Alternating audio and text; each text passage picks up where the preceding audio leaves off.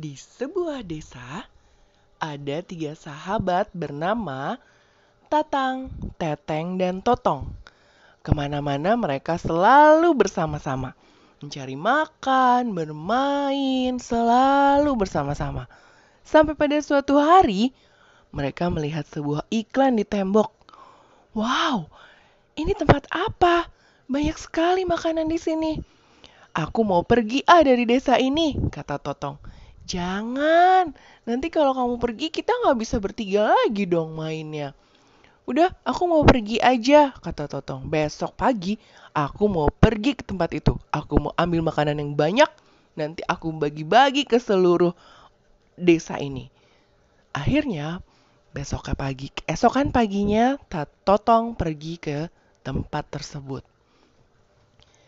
Setelah sebulan lamanya, Totong tidak pernah kembali lagi ke desa itu.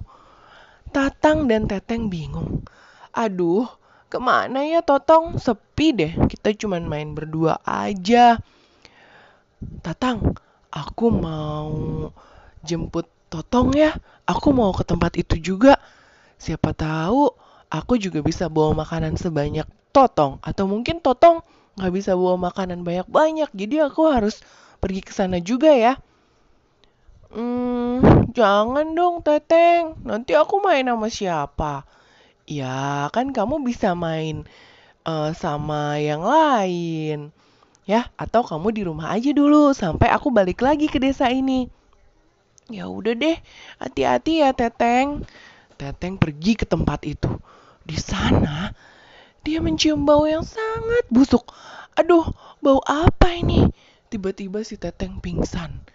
Saat Teteng bangun, dia menghirup bau yang sangat tidak enak sampai akhirnya Teteng mati di tempat. Tinggal Tatang di desa itu. Tatang sedih. Sebulan juga Teteng gak datang. Totong udah dua bulan gak pulang-pulang. Kenapa ya? Ah, aku harus menyusul ke tempat itu. Lalu Tatang pergi ke tempat itu. Di tempat itu, Tatang tidak sengaja bertemu sebuah makhluk. Makhluk itu memiliki banyak bulu dan rambut. Bahkan dagunya pun ada rambutnya. Makhluk itu berkata, Hop! Lalu ditangkap.